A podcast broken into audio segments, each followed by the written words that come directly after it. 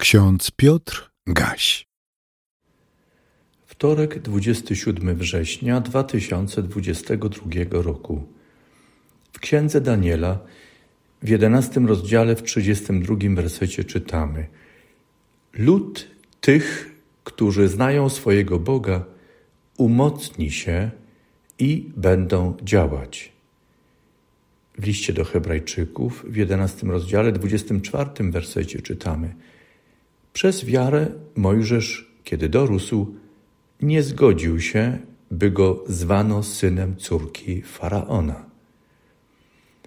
Ksiądz Tomasz Halik napisał: Wiara jest odważnym, ryzykownym krokiem naszej wolności poza ciasny krąg tego, co jest zagwarantowane dowodami. Kochani, chyba nikt już nie zaprzeczy, nawet najbardziej pozytywnie myślący o teraźniejszości, że świat traci swoją stabilność. W wielu obszarach życia, na wielu poziomach i to w skali globalnej, świat chwieje się. Do tej obserwacji wracam dość często w, moim, w moich rozmyślaniach. Naturalnie skala utraty stabilności krajów i kontynentów jest różna, ale to niewielkie pocieszenie, kiedy świat stał się wielką wioską i chwianie się tego czy innego kraju czy kontynentu ma przecież wpływ na życie całego świata, większy lub mniejszy.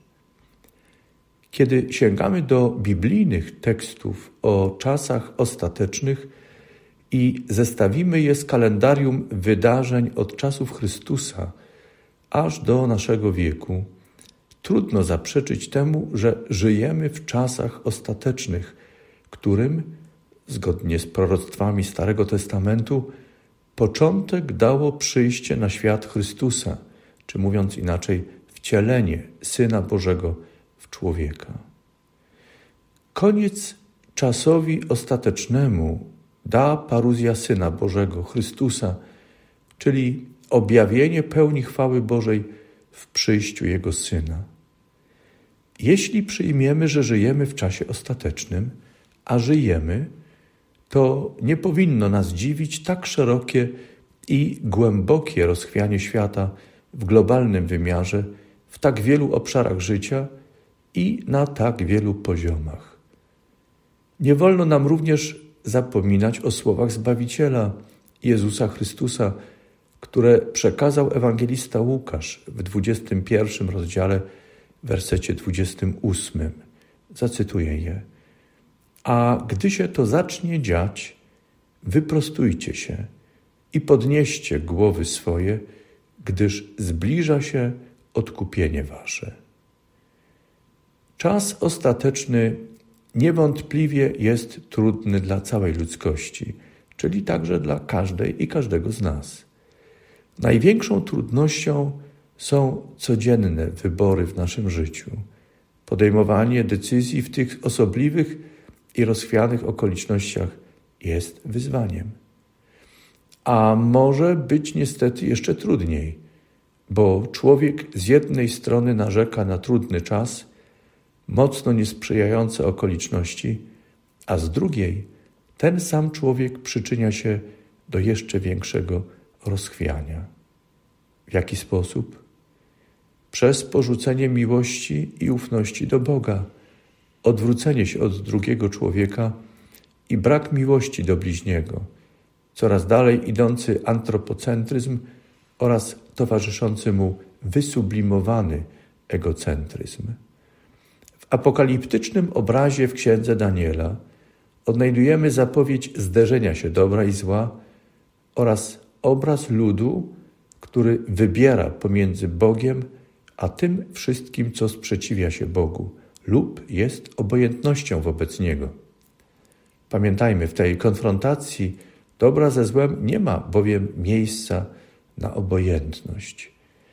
W dzisiejszym haśle biblijnym z księgi Daniela czytamy – lud, lud tych, którzy znają swojego Boga, umocni się i będą działać.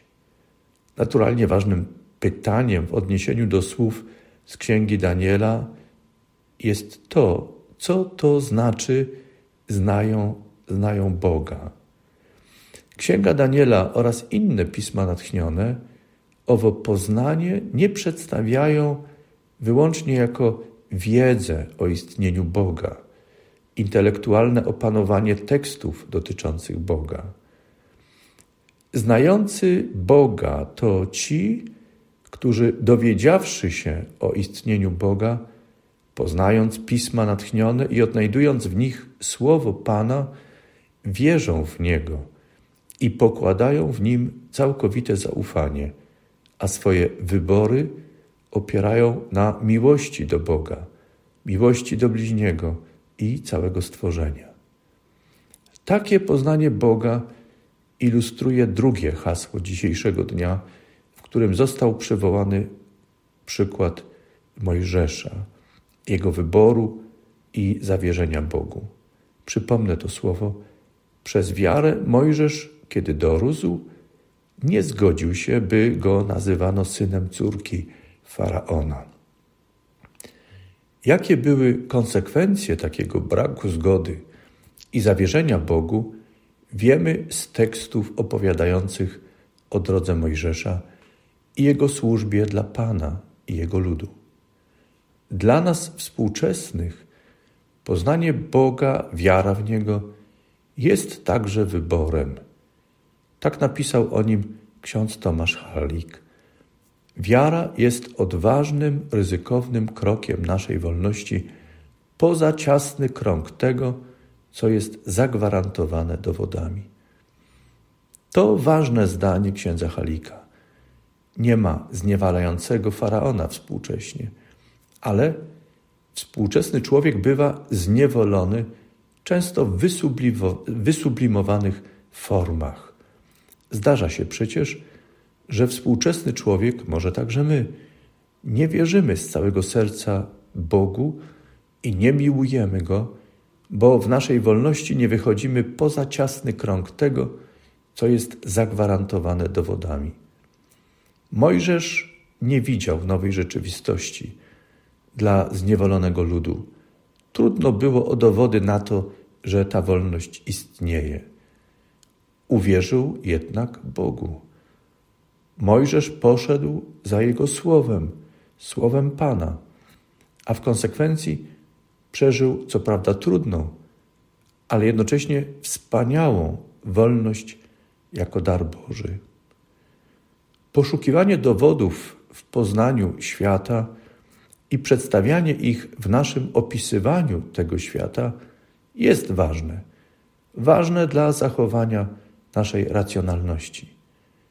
Nie wolno nam jednak lekceważyć i tego faktu, że myślący racjonalnie człowiek powinien pamiętać, może musi pamiętać, a mówiąc ostrożniej, przynajmniej powinien dopuścić w swoim myśleniu taką ewentualność, że świat jest większy i bardziej złożony niż ten potwierdzony i opisami, opisany dowodami.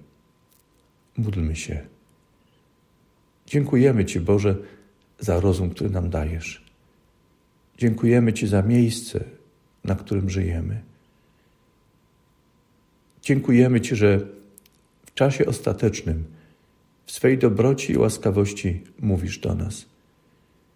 Daj byśmy umieli zachować zdolność myślenia i racjonalność patrzeniu na rzeczywistość, która nas otacza, a jednocześnie prosimy, daj nam rozeznanie i Twoją Bożą mądrość, abyśmy nie popadli w zniewolenie naszej racjonalności, ale w wierze, jako Twoim darze dla nas, umieli wychodzić ku nowej wolności, by poznawać świat, Twój świat, który jest, który istnieje, który otwierasz przed nami i który jest ostatecznym celem dla nas, w którym z Tobą możemy się spotkać i z Tobą wiecznie przebywać dla Twojej chwały i naszej radości.